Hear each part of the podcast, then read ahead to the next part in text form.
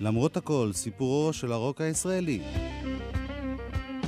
והיום תוכנית 79, הולך בטל בדרך לתמוז. איתכם אולפן גלי צה"ל, הטכנאי שלמה ורבנר, ואני יואב קוטנר, שעורך ומגיש. אנחנו בתוכנית שמוקדשת ללהקת הרוק הישראלית החשובה והטובה ביותר בשנות ה-70, להקת תמוז. שלום חנוך, אריאל זילבר, יהודה עדר, איתן גדרון ומאיר ישראל. וקודם כל, השיר הראשון של תמוז שיצא בתקליט שדרים והגיע לרדיו יוני 1975, הולך בטל. גרסה מקורית.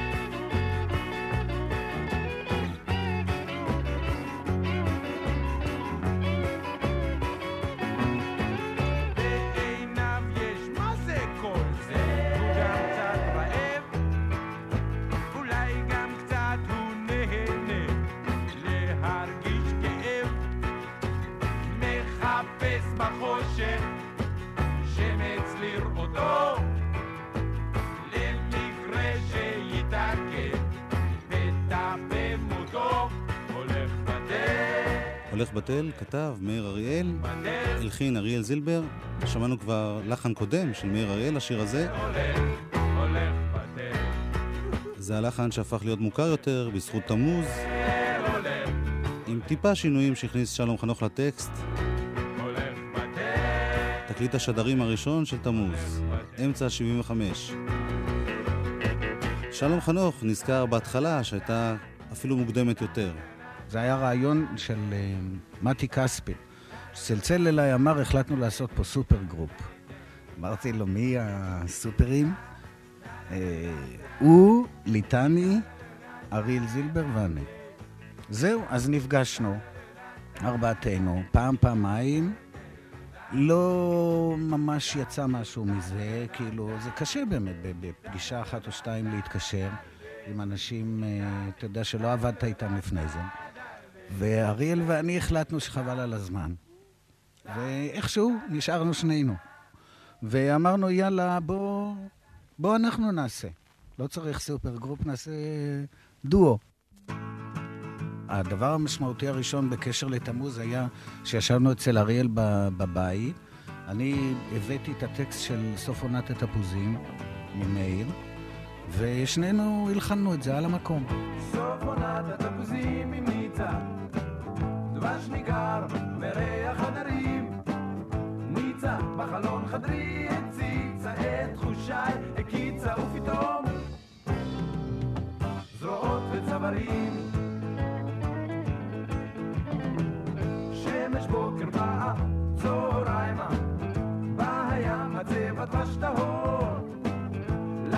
גניבה בה, הנחיריים שנינו, השמיים על סוסים של אש, עד הור ההור, כן, עד הור ההור, סוף עונת התפוזים, אני וניצה אחוזים, אני וניצה חרוזים,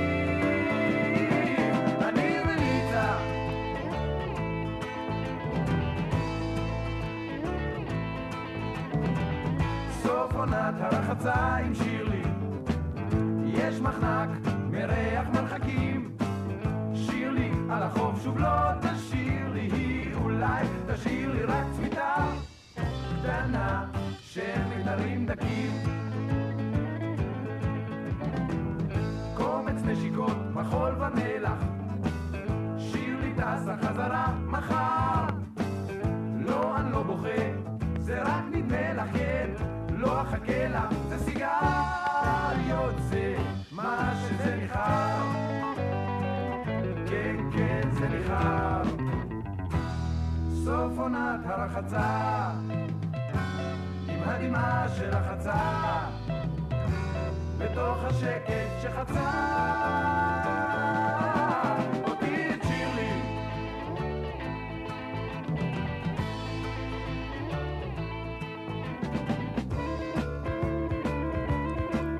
סוף עונת התפוזים, אנחנו שומעים את הגרסה המקורית בתקליטון השדרים המקורי, לא מה שהגיע בסוף לאלבום של תמוז.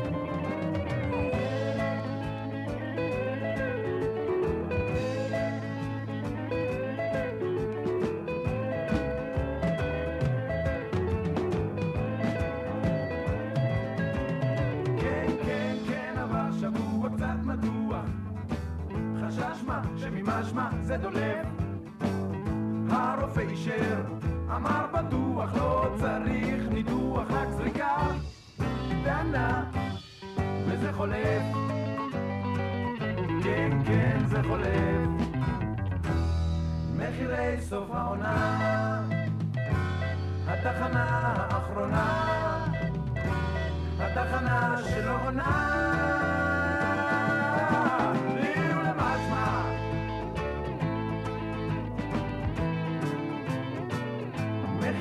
סוף העונה. סוף עונת האהבה. סוף עונת האהבה. סוף עונת התפוזים. הקטע היחיד ששלום חנוך ואריאל זילבר הלחינו ביחד. זו הייתה התחלת העבודה, נתן לנו עידוד ש... שהלחנו, אבל הקומוניקציה ביני ובין אריאל אף פעם לא הייתה מי יודע מה. תמיד הרעיונות שלנו היו שונים.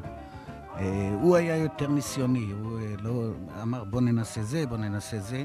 אני, אה, מתוך המצב שהייתי אז, לא רציתי לדרוש יותר מדי, כי ידעתי שזה לא ריאלי, אתה יודע, להביא נגנים מקצועיים וכל מיני דברים כאלה.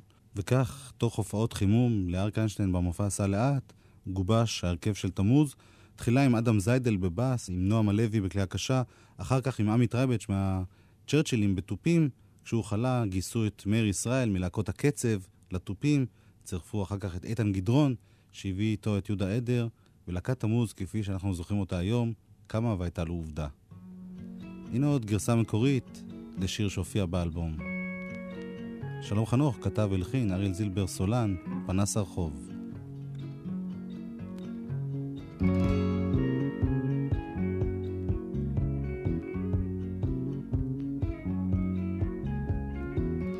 פנס הרחוב, כי בעצמו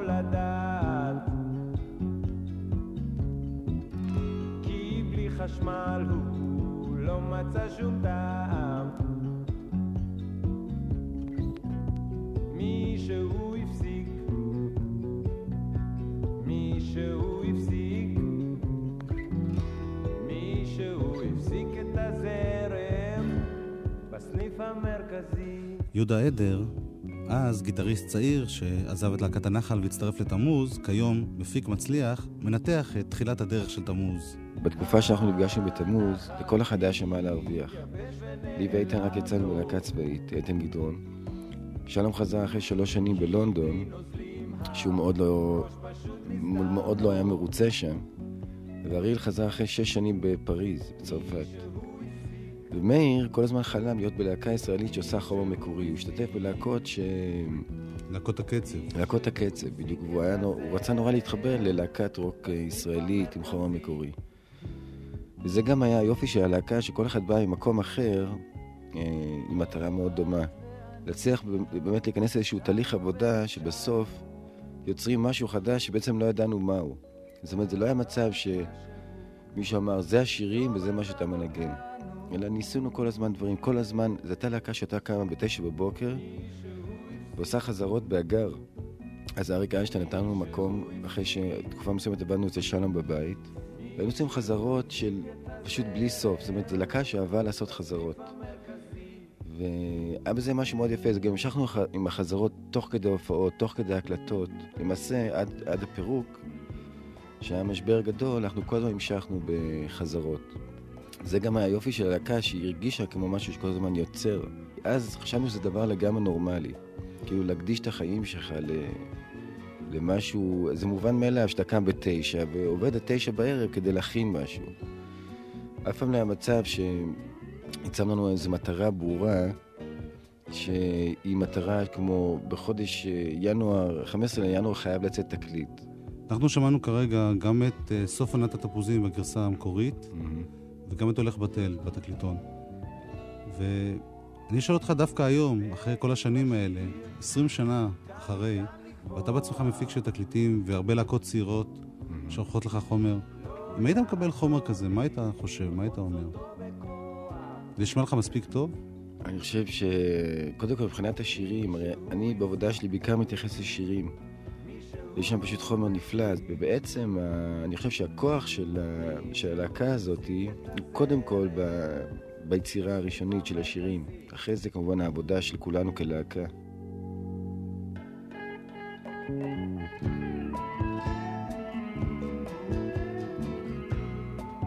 את ההקלטות הראשונות של תמוז באולפן טריטון שמע מי שהיה אז מנהל האולפן, מיכאל תפוח, הוא שמע אהב את החומר, אבל חשב שאפשר לעשות איתו דברים אחרים. הוא הציע ללהקה לצרף אליהם, כמפיק מוזיקלי, את לואי להב, טכנאי שהגיע מחו"ל אחרי שעבד שם עם ברוס ספרינגסטין.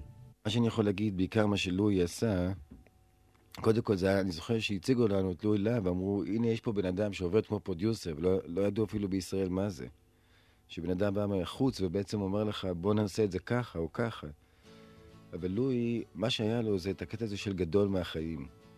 הוא הביא את המושג הזה גדול מהחיים, זאת אומרת, לנסות להביא משהו שמרגיש שאתה מתכוון למקום עצום. הוא הדהים אותנו באנרגיה שלו.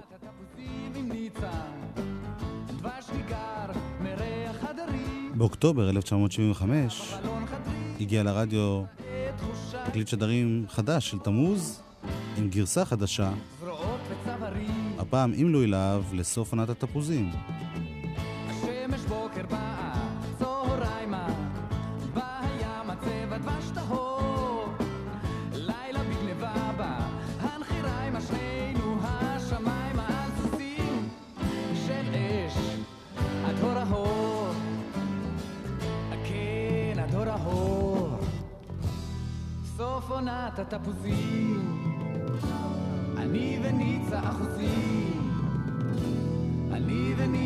וניצה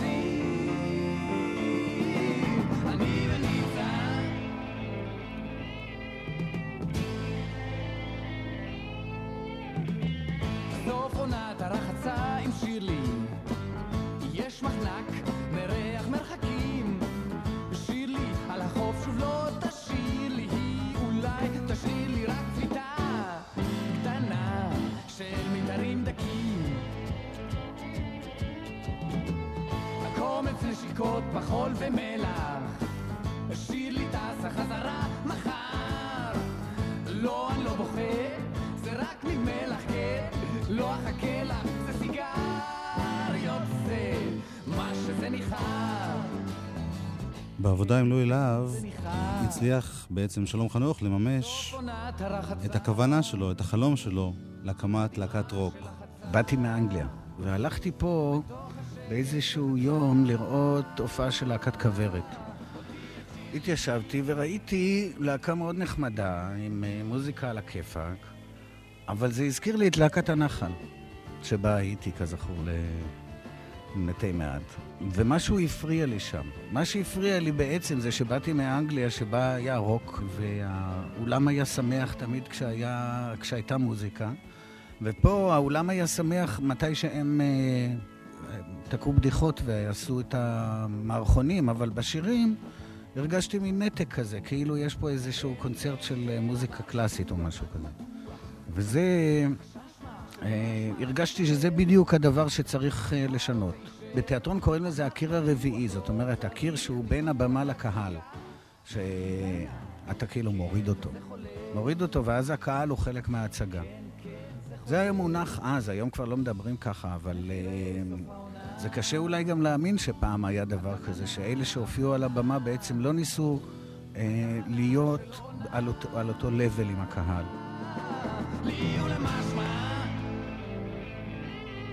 אחד הדברים שאני הכי זוכר, בקטע שלי בתמוז, אני הרצתי דני סנדרסון.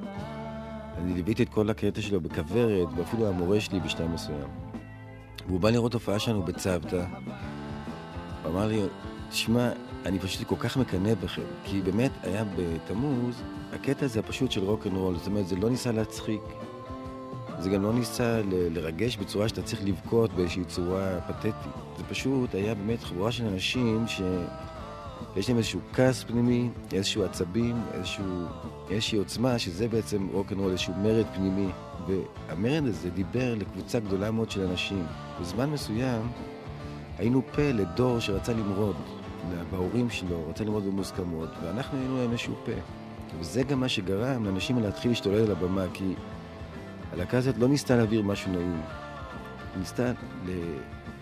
אני זוכר שראיין אותי מיכאל אוהד בארץ, ואז הוא ציטט משפט שאמרתי, rock and roll זה דבר שבו צריך לבעוט לך בתחת, וזה צוטט כזה בכותרת, אתה יודע, מישהו אמר תחת. אז דברים שהיום נראים מובנים אליהם, אז באמת לא היו. עד אז הקהל בעצם היה יושב ומקשיב, ובעצם מה שניסינו לעשות זה ליצור איזשהו מצב של מתח שהקהל כבר לא יכול לעמוד בזה. והקהל אכן לא יכל לעמוד בזה. אנחנו נזכר עכשיו בהופעה של תמוז כפי שהוקלטה על ידי גלי צה"ל בחודש נובמבר 1975. הקלטה מאוד נדירה, מאוד מרגשת, עוד לפני האלבום של תמוז. תמוז בהופעה חיה, כך זה נפתח. היה פתיחה של uh, משהו יותר עמוק, יותר כחול, זה פתח את ההופעה.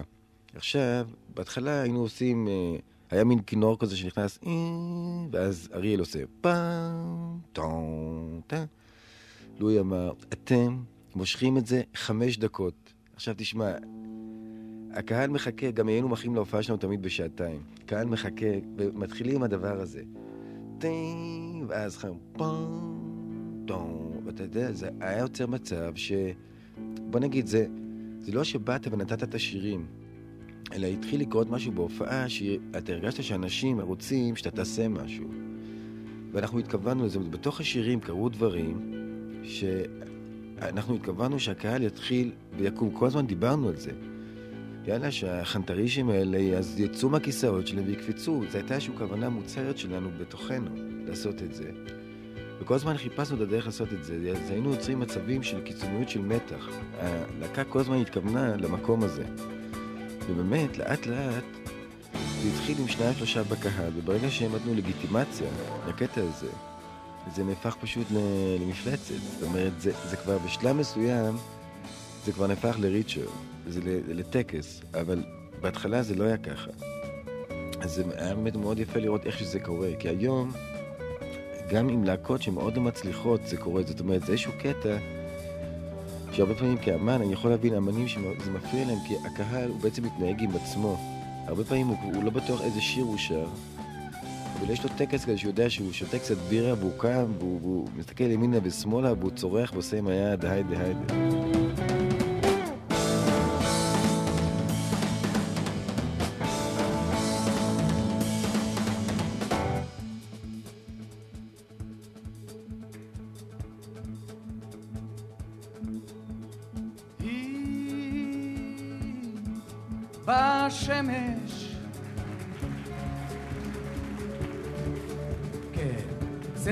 שכבר מאוחר.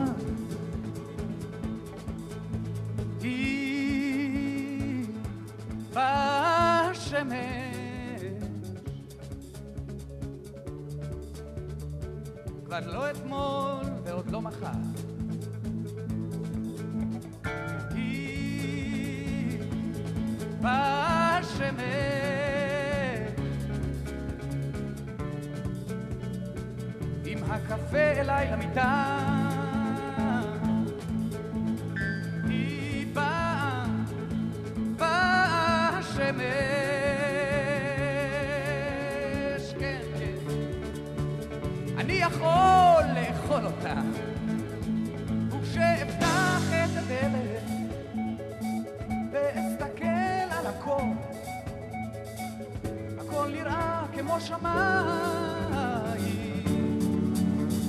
מה שיותר עמוק, יותר כחול.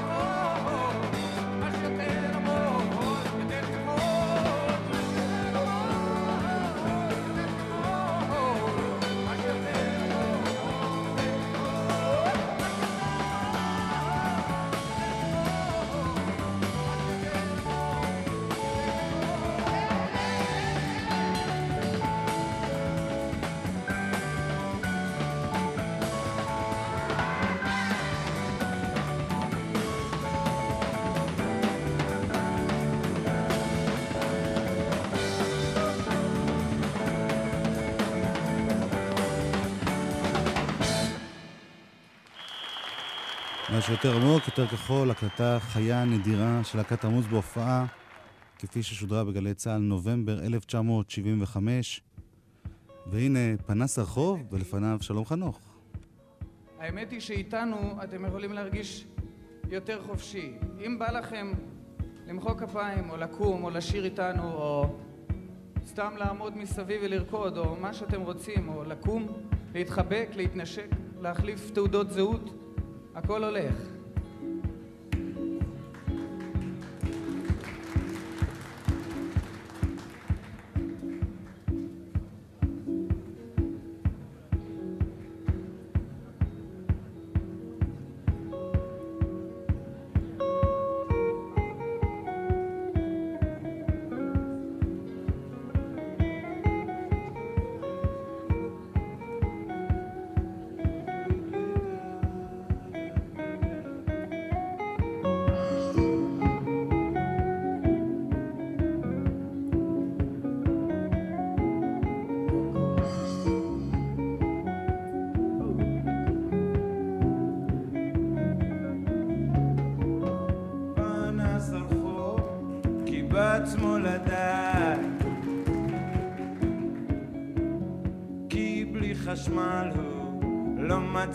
מצא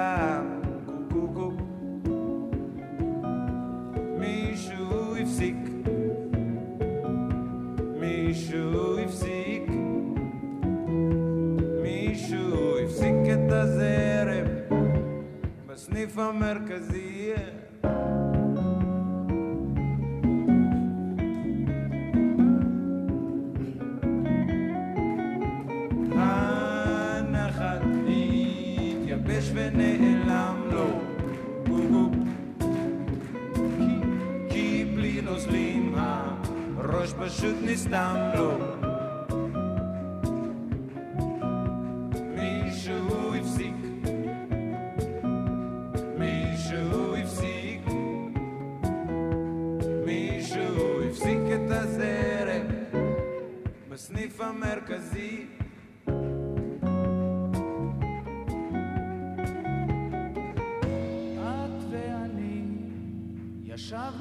ועישנו רק משהו כמו פתאום עזב אותנו מישהו הפסיק. כן, כן. מישהו לא צריך למחוא כפיים. מישהו הפסיק את הזרם. בסניף המרכזי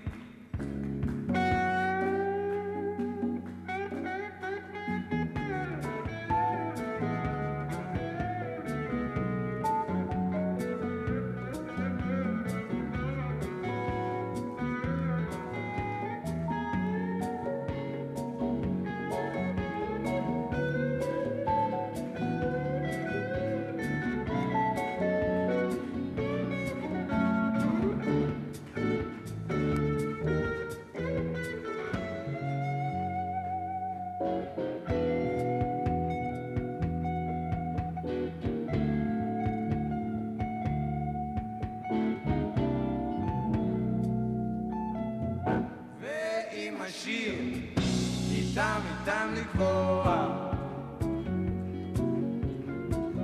לא יעזור לי ללחוץ אותו בכוח. מישהו הפסיק. מישהו הפסיק. מישהו הפסיק את הזרם.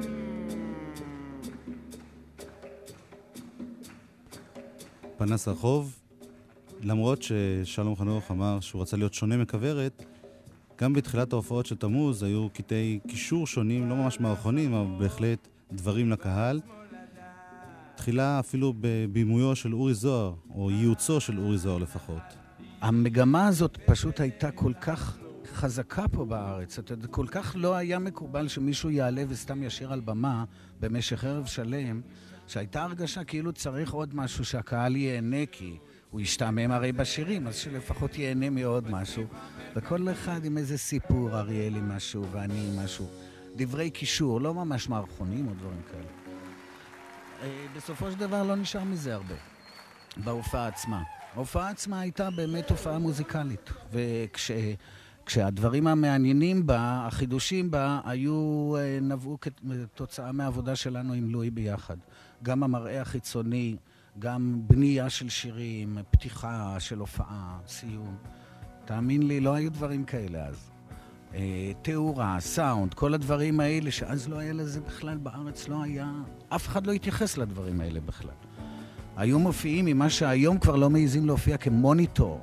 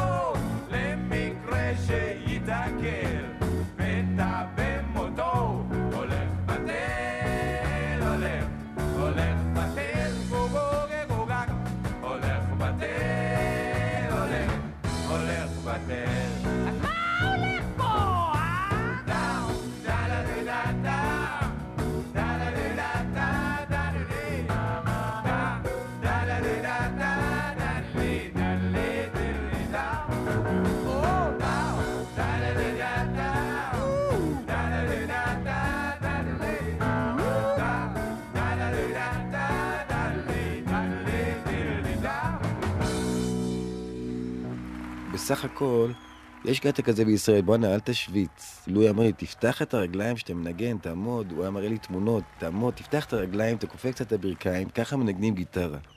התביישתי לעשות את זה. בעצם המטרה של מה שאורי זוהר בא, זה היה לנסות לפתוח אותנו, לשבור איזושהי מחיצה. זאת אומרת, להגיע למצב שאתה עושה משהו שהקהל לא יכול לעמוד כבר, הוא חייב אה, לקום ולהשתולל. הדבר המדהים שהיה עם אורי זוהר זה עוד, נגיד, כמו לואי, זה עוד בן אדם שבא עם גוש אנרגיה, זאת אומרת, הוא מודל לבן אדם שהאנרגיה שלו היא עצומה. עכשיו בכלל, אני רוצה להגיד לך שבאמת, ה- אחד הדברים שחסרים אה, ברעיונות בטלוויזיה ובמוזיקה בישראל זה איזשהו קטע של אנרגיה, תמיד הכל מרגיש נרפה. הכל מרגיש נרפה, עבודה... עד שכבר בא לך באמת לקום ולרקוד זה איזשהו אילוץ. ופה באמת המילה אנרגיה הופיעה כל הזמן. זאת אומרת, לא משנה אם אתה עושה שיר עצוב וכואב, אתה צריך להגיע לאנרגיה מסוימת ושם תכאב. אל תכאב לנו באיזשהו מקום שאתה לוחש שם ואף אחד לא מבין מה שאתה רוצה. זאת אומרת, גם כשאתה כואב, תצעק, זאת אומרת שזה יהיה באיזשהו קטע של אנרגיה.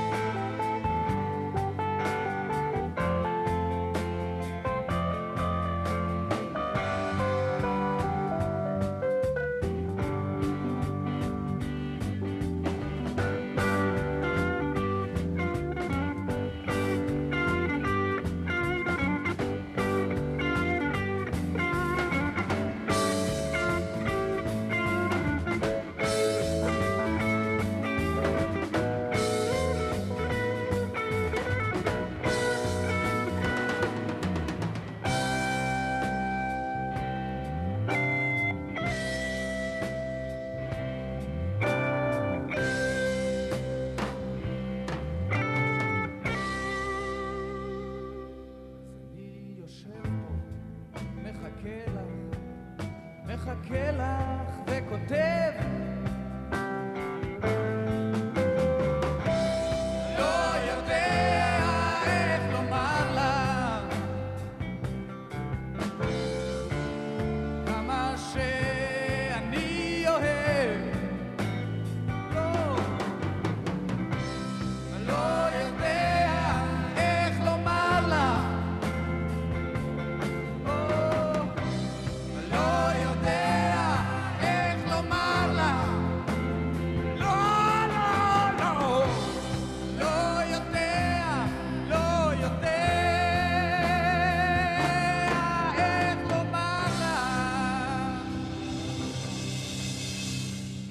יודע איך לומר לך, להקת תמוז, מילים ולחן של שלום חנוך. שלום חנוך, שירה, גיטרה, אריה זילבר, קלידים ושירה, יהודה עדר, גיטרה מובילה ושירה, איתן גדרון, גיטרה בס ושירה, מאיר ישראל תופים.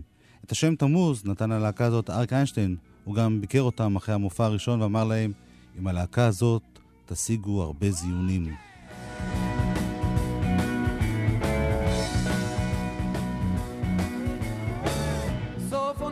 תפוזים עם ניצה, דבש ניכר מריח הדרים. ניצה בחלון חדרי הציצה את תחושי הקיצה ופתאום זרועות וצווארים. שמש בוקר באה, צהריימה, בים הצבע דבש טהור. לילה בגנבה בה, הנחיריימה שנינו השמיימה על סוסים של אש, הדור ההוא. כן, כן, הדור ההוא. סוף עונת התפוזים. סוף עונת התפוזים. אני וניצה אחוזים. אני וניצה אחוזים. אני וניצה חרוזים. אני וניצה חרוזים.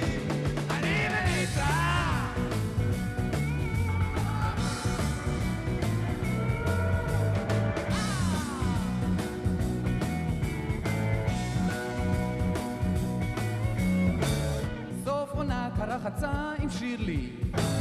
יש מחנק, מריח מרחקים. שירלי על החוף שוב לא תשאיר לי, היא אולי תשאיר לי רק צביתה קטנה.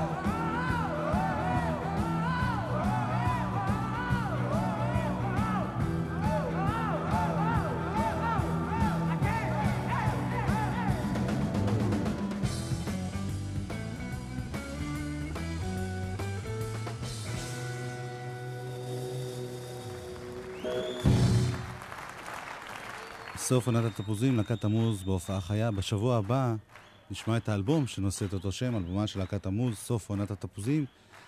הפעם ניפרד עם עוד, בהופעה החיה הזאת, צוות גלי צה"ל ב-1975, גבי קרנר, שמוליק אבוהב, בני יהודאי ואלי הקליטו, אליעזר דר ואבי שרון, זיכרונו לברכה, היו האורחים והמפיקים.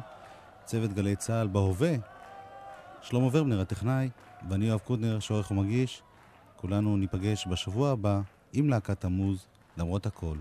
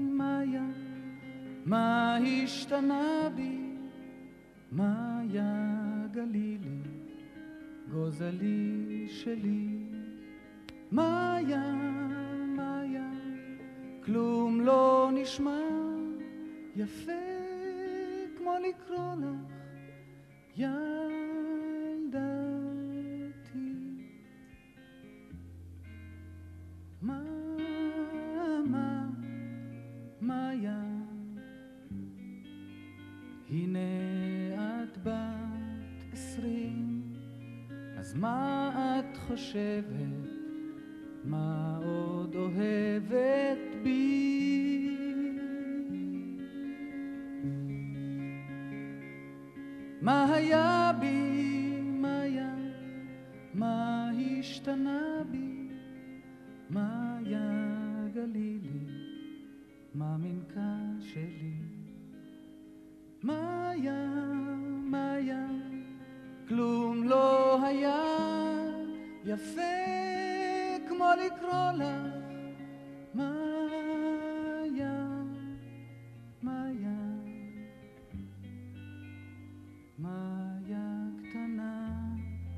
שלי, מאיה שלי.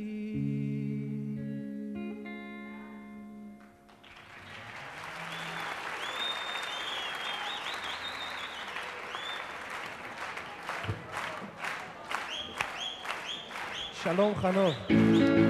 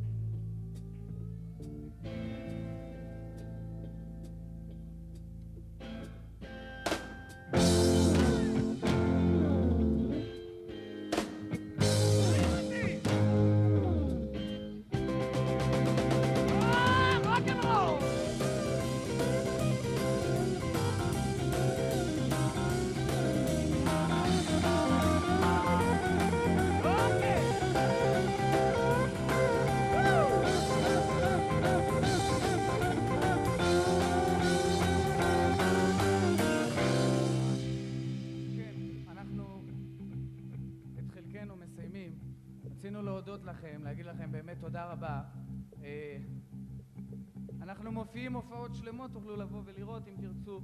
אה, כן.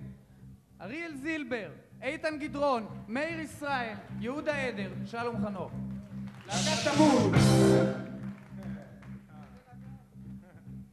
וכן. זהו, תודה רבה. כלומר, תודה רבה.